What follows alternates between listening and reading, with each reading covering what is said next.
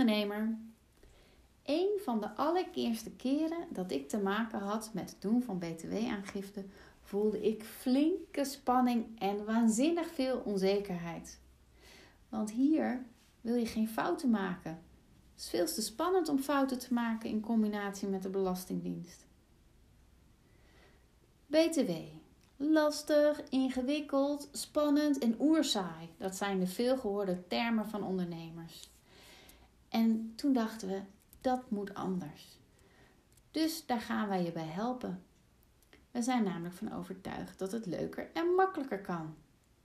In de maandelijkse mail die we je gaan sturen vind je antwoorden op vragen die wij vaak in de praktijk tegenkomen.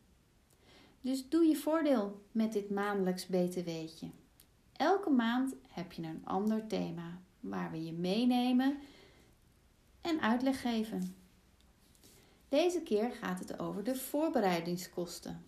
Dat zijn de kosten die je nog misschien moet gaan maken of hebt gemaakt voordat je je bedrijf uiteindelijk hebt ingeschreven bij de Kamer van Koophandel. Want wanneer je door de Belastingdienst aangemerkt wordt als BTW-plichtig ondernemer, dat betekent dat je ook BTW afdraagt over je omzet, dan betekent dus ook dat je over de voorbereidingskosten de BTW over de gemaakte kosten terug kan vragen bij de eerstvolgende BTW-aangifte.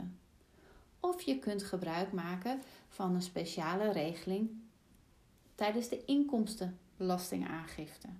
Nou, kortom, aan de hand van een mooi voorbeeld geeft Leonie je waanzinnig veel uitleg op een makkelijke manier waar jij je BTW-voordeel mee kunt doen.